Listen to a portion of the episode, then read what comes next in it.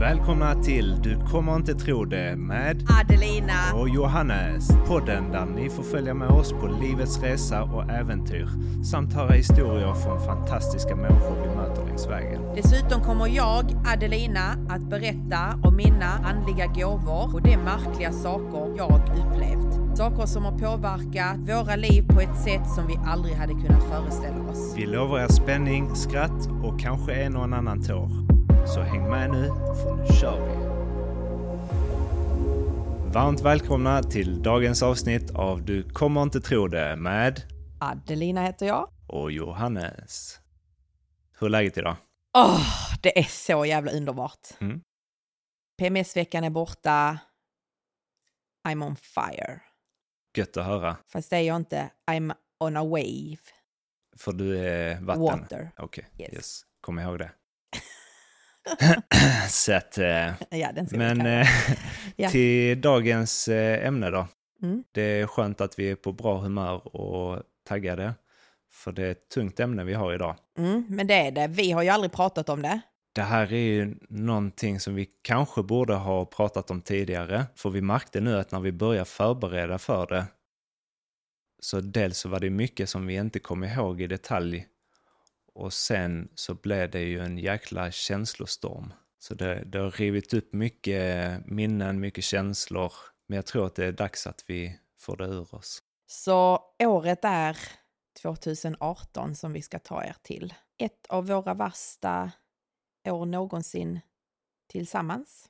Året började magiskt. Vi åker till en ö som heter Phuoc i Vietnam med ett par vänner och vi har det sjukt gött i två veckors tid. Förutom att vi blir magsjuka och jag håller på att dö där borta, men den är liksom, Det är detaljer. det är bara små detaljer. Exakt. Och sen hittar vi på sjukt mycket med våra barn under hela våren.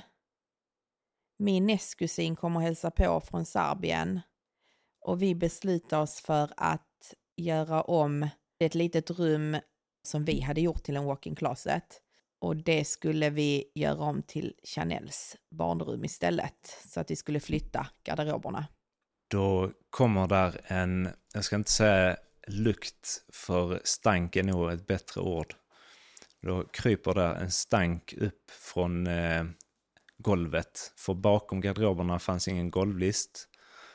Och eh, då märker vi att från innergolvet så börjar det stinka. Och vi försöker att vädra ut den här lukten. Vi håller nog på en vecka och vi kör fläktar och öppna fönster och allt möjligt. Men det ger sig inte, det fortsätter att lukta illa. Så vi bestämmer oss för att ringa till bostadsrättsföreningen.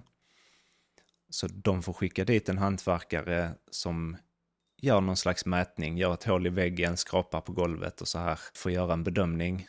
Och han säger ju att Nej, men här är dålig lukt både i väggen och som kommer från golvet. Så vi kommer att få behöva riva en del av rummet och sen göra en utvärdering för hur det ska åtgärdas. Ja, och vi bara tittar på varandra och bara så, vad fan på riktigt händer detta? För vi hade ju renoverat huset när vi flyttade in. Och i samband med renoveringen som vi gjorde när vi flyttade in i huset, och det var ju typ fem år tidigare, då hade vi ju blåst ut allt. Det vill säga golv, skrapat ner väggarna, ner till gipsen, tagit bort rubbet, alltså badrum, strömbrytare, kök, allt som man kunde ta loss hade vi rivit ut och ersatt med nytt. Och även på ovanvåningen så fanns där en del som var angripet av kattpiss som vi tog in då föreningen för att åtgärda, för att få hjälp med att åtgärda.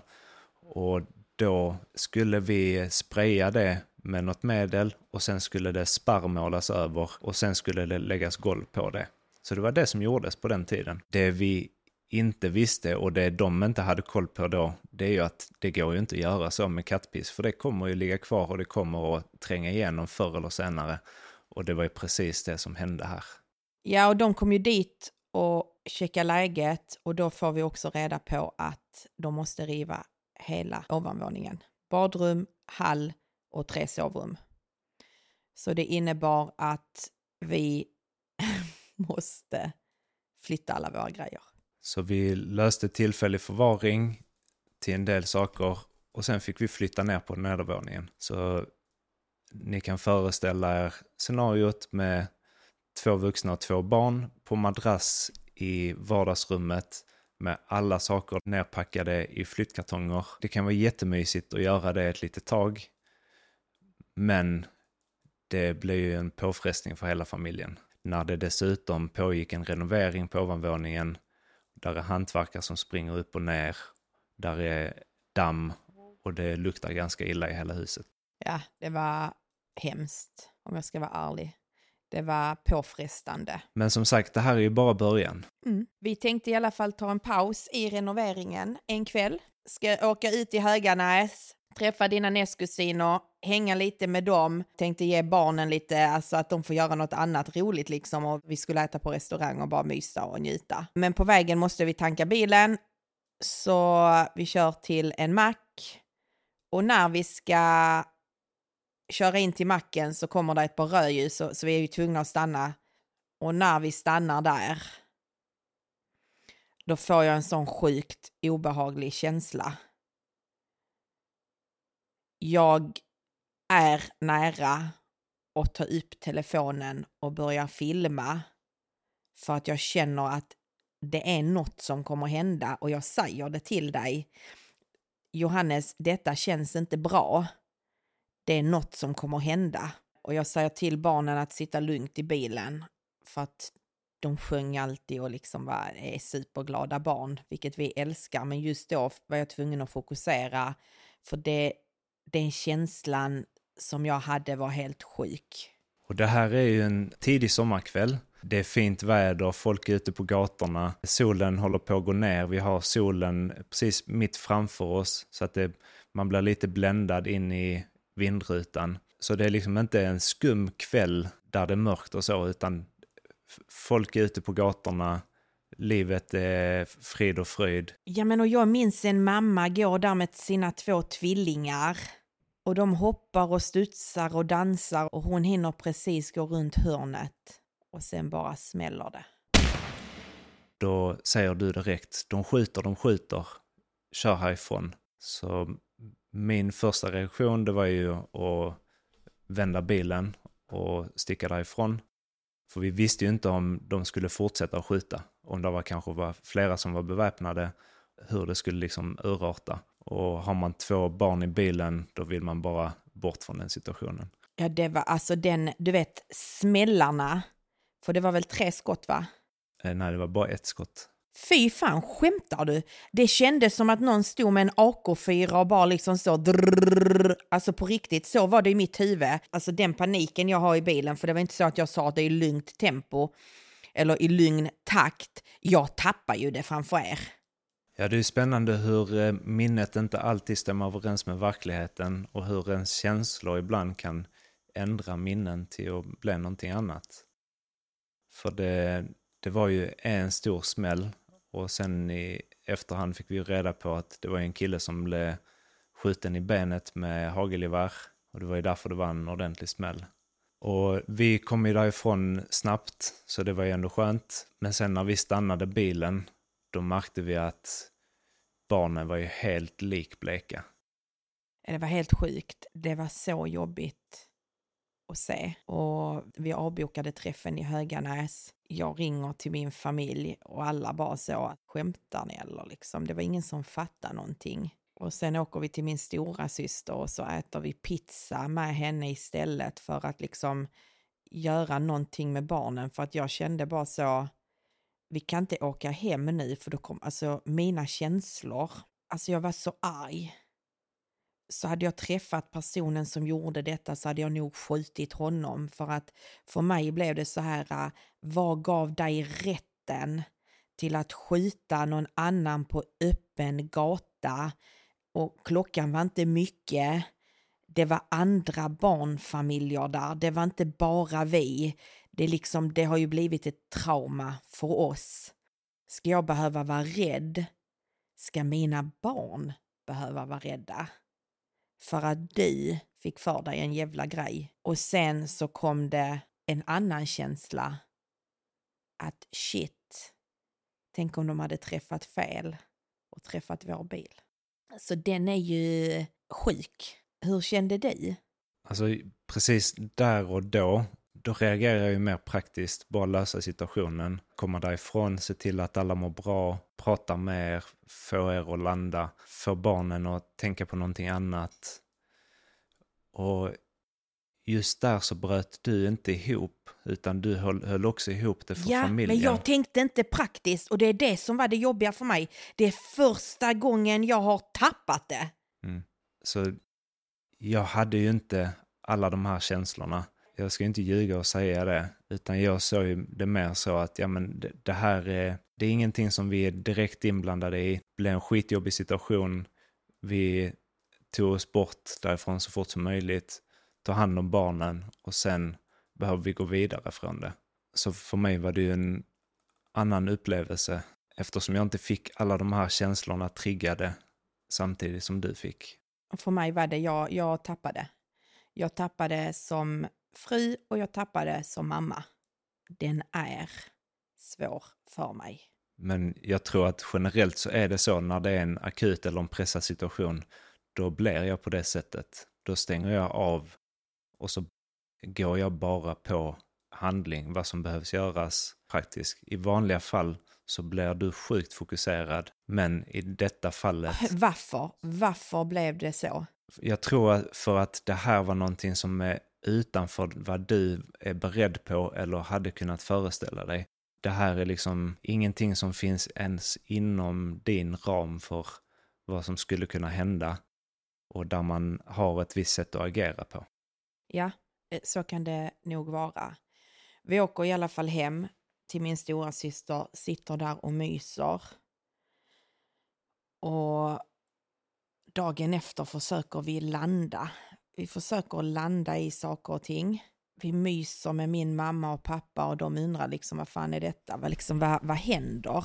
Och samtidigt som detta då hände, både skottlossningen och denna renoveringen, så får vi ju inte glömma att jag har en jättedålig känsla att någonting kommer hända.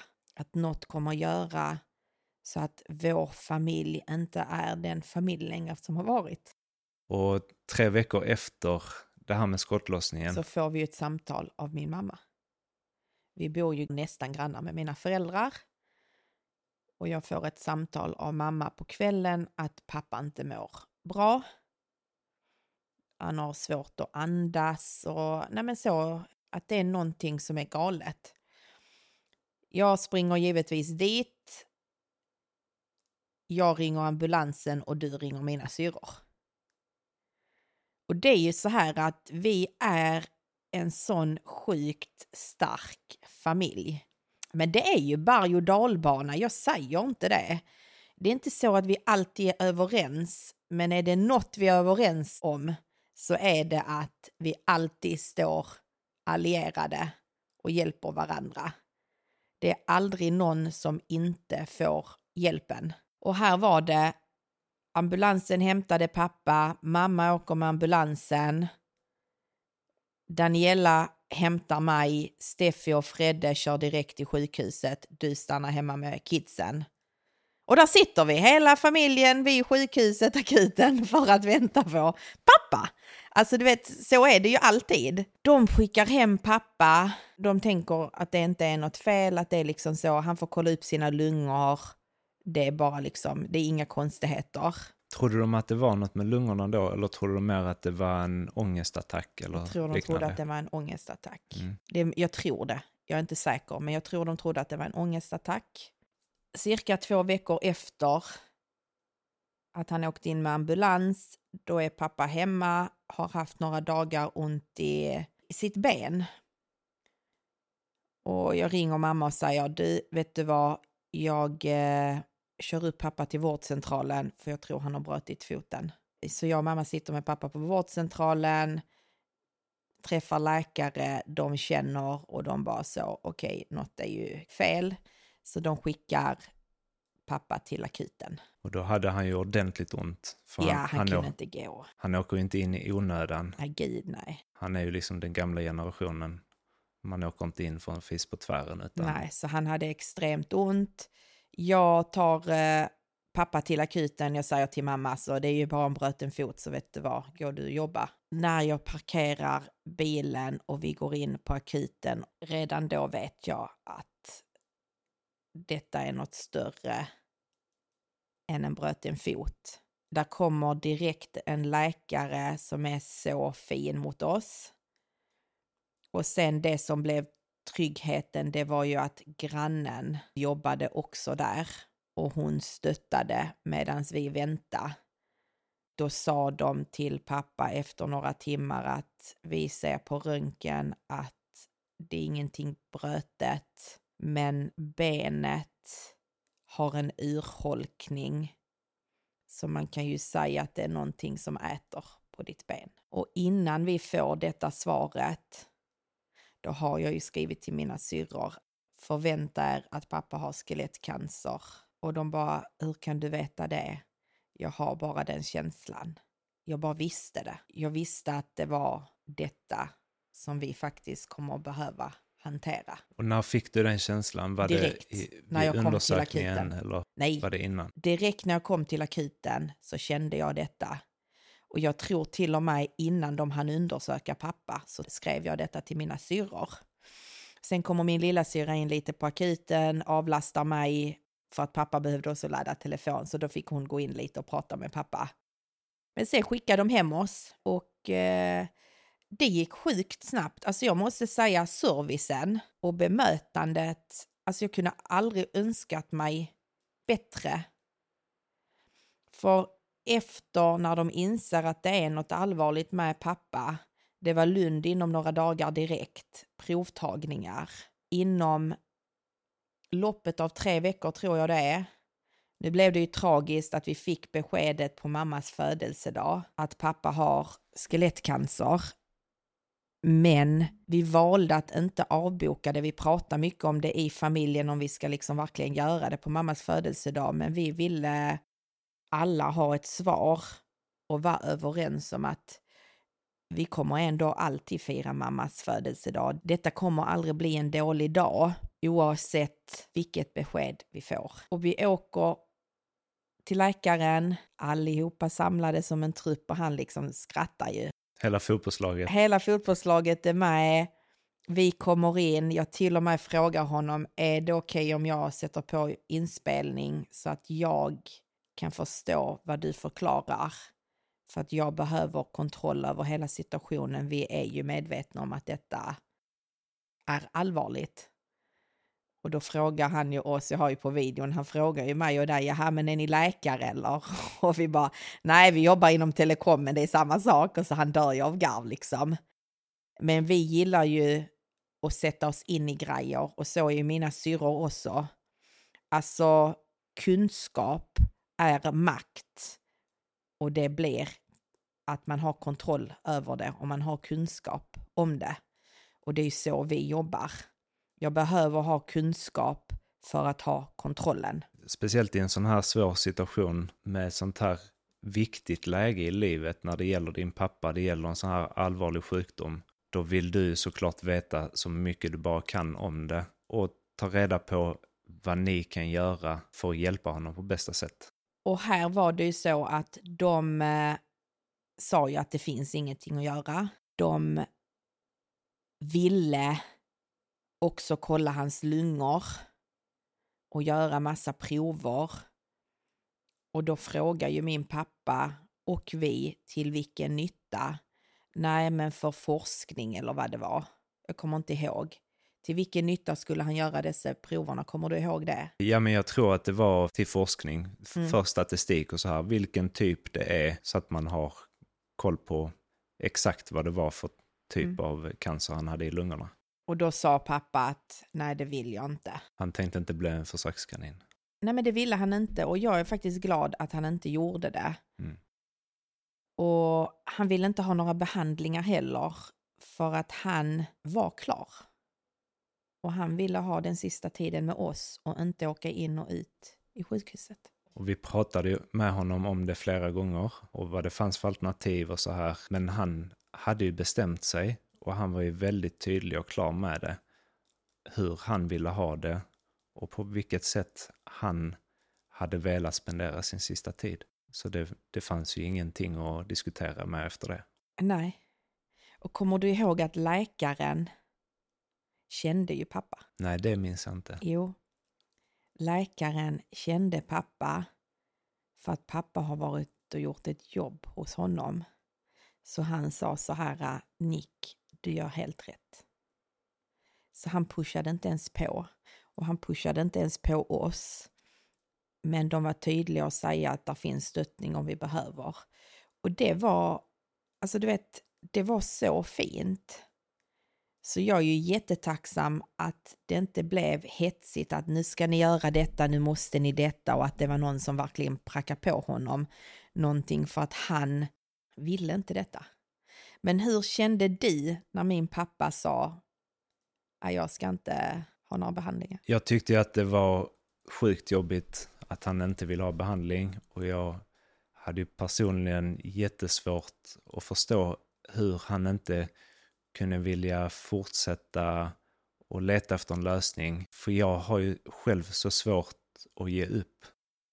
Och speciellt när det i detta fallet liksom gäller livet. Det gäller ju liksom kanske en sista chans i livet. Så hade jag ju så svårt att förstå att han inte ville ta några behandlingar. Han inte ville verkligen så här kämpa och ta reda på vilka möjligheter och metoder man skulle kunna testa. Men självklart sen när vi hade pratat igenom det så förstod jag ju att nej men det, det är ju verkligen så här han vill ha det. Alltså läkaren sa ju tydligt om han skulle göra behandlingarna kanske han förlängde livet en, två veckor eller max ett halvår.